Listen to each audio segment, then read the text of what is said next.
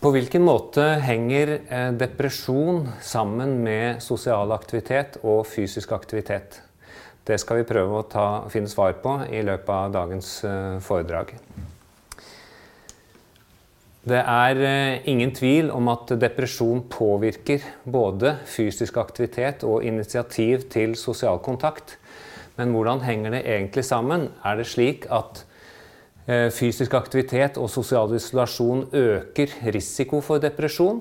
Eller er det slik at depresjon øker risiko for lav fysisk aktivitet og isolasjon? Og er det slik at fysisk og sosial aktivitet henger sammen i forbindelse med en pågående depresjon? Dette skal vi prøve å finne svar på.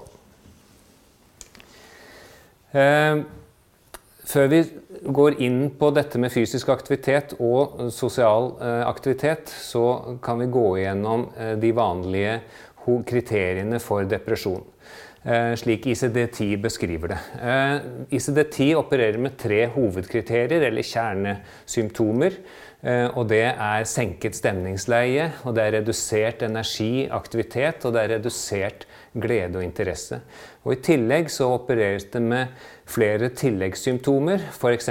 søvnforstyrrelse, dårlig konsentrasjon, initiativløshet og ubesluttsomhet, lav selvtillit, skyldfølelse, selvbebreidelser og pessimisme osv. Summen av disse eh, hovedkriteriene og tilleggssymptomene vil avgjøre om det dreier seg om en mild eller moderat eller alvorlig depresjon. Men i disse symptomene, hva er det ved en depresjon som taler mot at personen skal være fysisk og sosialt aktiv?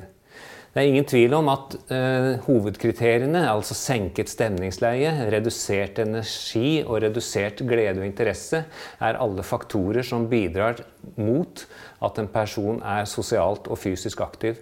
Og I tillegg så er det slik at eh, de eh, tilleggssymptomene i form av søvnforstyrrelse som bidrar til at man er mindre opplagt på dagtid, initiativløshet som bidrar til at man utsetter ting eller ikke ønsker å gjennomføre ting, at man har lav selvtillit eller pessimisme i den forstand at um, man ikke har tro på at tiltaket vil virke eller vil bedre situasjonen. Og i tillegg så har man det som kalles for psykomotorisk retardasjon eller passivitet. Og alle disse faktorene vil trekke imot eh, i, i, feil retning for en pasient som er deprimert, slik at de holder seg i et passivt modus. Eh, vi vet at depresjon og også fysisk aktivitet og sosial aktivitet påvirker hjernen på forskjellige måter. Og det fins masse forsøk, hovedsakelig fra dyreeksperimenter, hvor man har sett på hvordan disse ulike forholdene påvirker hjernen. Og det vi har sett, er i alle fall at depresjon reduserer hippocampusvolumet, som kan bidra til at eh, pasientene husker dårligere eh, og har andre typer kognitive effekter. Men det øker også stresshormoner, og det reduserer nevrotrofiske faktorer som f.eks. BDNF. Og dyreforsøk har vist at aerob trening, altså kondisjonsfremmende trening, øker BDNF og bedrer hippocampusfunksjon hos rotter som er gamle. Eh, som på en måte vil kunne være en parallell til eh, eldre med depresjon. Eh, og man har også sett at innenfor sosial aktivitet og sosial lek blant rotter så påvirkes multiple signalsystemer og stoffer i hjernen, spesielt belønningssystemer som blir styrt av opioidreseptorer og dopamin. Eh, hvis vi ser litt nærmere på effektene på hjernen av depresjon og i forhold til sosial aktivitet, så er det slik at i denne modellen som Kupferberg og kollegaer eh, presenterte, så viser de kompleksiteten i hjernens nevrobiologiske systemer hos en deprimert pasient. Og depresjon påvirker mange sentralnervøse systemer som regulerer f.eks. sosial respons, som handler om evne til samhandling og tendens til unngåelse. Det påvirker evne til empati, dvs. Si altså kunne leve seg inn i andres følelsesliv. Det påvirker mentaliseringsevnen, altså det å kunne forstå og tolke egne og andres handlinger i en meningsfylt kontekst. Og det påvirker evne til å regulere egne affektive responser. Og for å kunne oppnå en god sosial samhandling er pasienten altså avhengig av at alle disse systemene reetablerer en balanse. Figuren illustrerer derfor godt hvorfor det for mennesker rundt pasienten og for pasienten selv kan oppleves så vanskelig å etablere en meningsfylt sosial aktivitet når pasienten er deprimert. Hvilke fordeler og ulemper har vi ved trening og sosial aktivitet? Det er noen fordeler, og det vet vi er at trening er noe som befolkningen har akseptert som et gode for den generelle helsetilstanden. Og trening reduserer risiko for skade og sykdom som skyldes andre forhold som livsstil, inaktivitet, overvekt og kosthold. Men når det gjelder det sosiale, så tenker vi også som mennesker at det å ha tilgang til menneskelig kontakt er et grunnleggende behov og et gode for mennesket. Fins det da noen ulemper ved fysisk aktivitet og sosial kontakt? Tja, si det. For mye av det gode kan svekke den gunstige effekten av trening. Det er godt dokumentert at det er en uformet sammenheng mellom fysisk aktivitet og helsegevinst. Og hvis du Eh, overstiger den fysiske aktiviteten for mye, så begynner det å komme eh, uhelseeffekter. Det er selvfølgelig også i forbindelse med fysisk aktivitet en risiko for at man utsettes for skade i form av fall og andre typer ulykker. Og så er det også viktig å huske på når det gjelder sosial kontakt, at ikke all sosial kontakt nødvendigvis er av det gode. F.eks. så vil sosial kontakt i familier som strever med å løse konflikter på en god måte, eller hvor aggresjonsnivået eller frustrasjonsnivået er spesielt høyt, så vil sosial kontakt kunne være også uheldig for den deprimerte. Og I tillegg så har individet forskjellige behov når det gjelder sosial kontakt. Og det er ikke nødvendigvis slik at mennesker ønsker så mye sosial kontakt selv når de ikke er deprimerte. Og det må man tilpasse til den enkelte eh, i møte med den deprimerte. Vi vet at deprimerte er mindre fysisk aktive.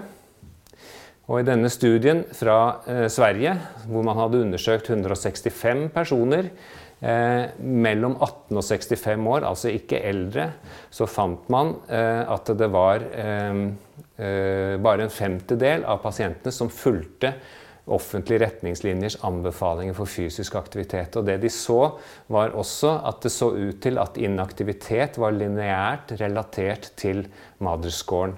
Så jo høyere Madres-score, jo mer inaktive var pasientene. Hva sier så Helsedirektoratet om fysisk aktivitet? Helsedirektoratet har gitt ut to Eh, faglige råd eh, nå i år. Det ene er råd om fysisk aktivitet for barn, unge, voksne og eldre, og gravide. Og de har også gitt ut eh, faglige råd for psykiske lidelser hos eldre. Og når det gjelder rådene om fysisk aktivitet, så sier Helsedirektoratet at voksne og eldre bør være fysisk aktive i minimum 150 minutter med moderat intensitet eller 75 minutter med høy intensitet per uke, eller en kombinasjon av disse. Og øvelser som gir økt muskelstyrke til store muskelgrupper, bør utføres to eller flere dager i uken og I tillegg så bør eldre med nedsatt mobilitet, personer som er ustø, anbefales å gjøre balanseøvelser og styrketrening tre eller flere dager i uken. Altså Det er ikke små mål som Helsedirektoratet sier at gamle deprimerte skal sette seg. I ehm, eh, Faglig råd for psykiske lidelser hos eldre så sier man det litt mer kortfattet at eldre pasienter med depresjon bør få tilbud om tiltak som bryter ensomhet, bedrer fysisk aktivitet og psykoterapi på linje med yngre voksne med moderat til alvorlig depresjon. Bedrer fysisk aktivitet egentlig sosial aktivitet? Her er en studie fra Canada hvor man inkluderte 18 randomiserte, kontrollerte studier eh, med til sammen over 2000 eldre deltakere. Eh, og fysisk aktivitet ble sammenlignet med vanlig behandling når det gjaldt effekt på sosial deltakelse. Og metaanalysen kunne ikke vise noen sikker sammenheng, så konklusjonen på forfattergruppens eh, hovedspørsmål var negativt. Men imidlertid så fant de at i en subgruppeanalyse med seks av studiene, med til sammen nesten 900 deltakere, så var det en svak positiv effekt over lang tid, altså målt som tolv måneders oppfølging, på at fysisk aktivitet kunne bidra i noen grad til økt sosial aktivitet. Så er vi kommet til hovedspørsmålet bedrer fysisk aktivitet depresjon? Eh, og her har vi flere eh, studier for voksne generelt enn det vi har for eldre. Eh, det foreligger en stor eh, Cochrane-oversikt fra 2013 der man så på eh, fysisk aktivitet. Og det var utvilsomt at fysisk aktivitet var mer effektivt ved depresjon enn ingen oppfølging ved avsluttet behandling. Selv om effektene må regnes for å være moderat, så er den allikevel signifikant til stede. Og det denne forfattergruppen fant, var nok at effekten ble svakere jo høyere kvalitet studien hadde. Og de fant også at fysisk aktivitet var mer effektivt enn lysbehandling, men at fysisk aktivitet ikke var mer effektivt enn f.eks. psykoterapi. Og så er det noen eh, studier som gjelder eldre og fysisk aktivitet. Og her er det svakere dokumentasjon. Men eh, man fant bl.a. at svakere, det var en svakere, men positiv assosiasjon mellom trening og effekt på depresjon. Eh, og en annen studie av Ryner fant at det var en moderat effekt av fysisk aktivitet hos eldre. Og de klarte ikke å se at det skulle være noen forskjell på hva slags type eh, fysiske aktiviteter som ble utført. Om det var styrketrening eller om det var aerob trening. Mens eh, Gordon eh, og kollegaer fant at styrketrening også alene hadde en moderat effekt på depresjon, og det var da mer for en middelaldrende pasientgruppe, ikke eldre spesifikt. Men det er ikke noen, nødvendigvis noen grunn til å tenke at det skulle være annerledes for eldre. Eh, når det gjelder sosial aktivitet og depresjon, så er det mye vanskeligere å måle sammenhenger. Det vi vet, er at sosialt aktive mennesker er mindre deprimerte. Men her er det også et spørsmål om hva som er forårsaker, eller hva som bare henger sammen av andre grunner. Eh, man har for så vidt funnet at dersom personen opplever manglende sosial støtte eller isolasjon, så predikerer det en mer alvorlig symptombyrde, og det er en dårligere respons- eller remisjonsrate hos deprimerte. I tillegg så er igangsetting av støttekontakt eller pasientvennordning eh, kan gi en veldig svak tilleggseffekt, men den kan være signifikant til stede på det som oppleves som pasientrapporterte tilbakemeldinger, altså følelsen av eh, livskvalitet f.eks. Men kunne ikke, man kunne ikke påvise noen signifikant eh, effekt på depresjon i seg selv.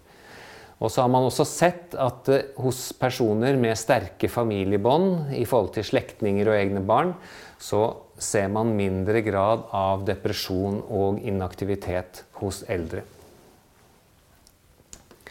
Så konklusjonen på våre hovedspørsmål Virker fysisk aktivitet forebyggende mot depresjon? Det vet vi ikke. Bedrer fysisk aktivitet depresjon? Ja. Det kan vi si ganske utvilsomt. Men virker sosial aktivitet forebyggende mot depresjon? Det vet vi heller ikke. Og er det sånn at sosial aktivitet bedrer depresjon? Vi kan bare si kanskje. Vi vet ikke det sikkert. For å oppsummere så kan vi si at trening mot depresjon er effektivt, og effekten er moderat. Det er vanskeligere å konkludere angående sosial aktivitet. Det er slik at hvis, eh, eh, hvis vi har svak dokumentasjon for et tiltak, så har vi lavere terskel for å anbefale et tiltak dersom vi tenker at risiko for skade er lav. Og det er utvilsomt slik at risiko for skade er lav når det gjelder å iverksette tiltak som bedrer fysisk trening og sosial aktivitet. Og derfor så eh, har vi også en lavere terskel for å anbefale tiltaket. Eh, fysisk aktivitet har sannsynligvis også andre helsemessige gevinster eh, i seg som reduserer risiko for depresjon, som fall, frakturer, smerte og somatisk sykdom. Så det er en sterkere grunn til å anbefale eh, tiltaket.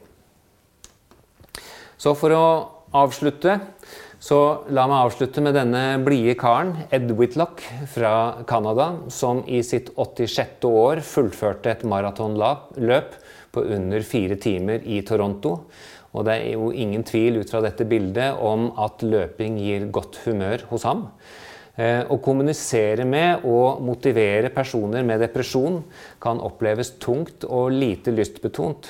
Og hvis du merker at det er en person på din liste som du har begynt å grue deg til å ha kontakt med, så skal man ikke utelukke at det er en depresjon som kompliserer kontakten. Så selv om motivasjon og aktivering kan synes håpløst, så husk at alt er mulig. Det umulige tar bare litt lengre tid.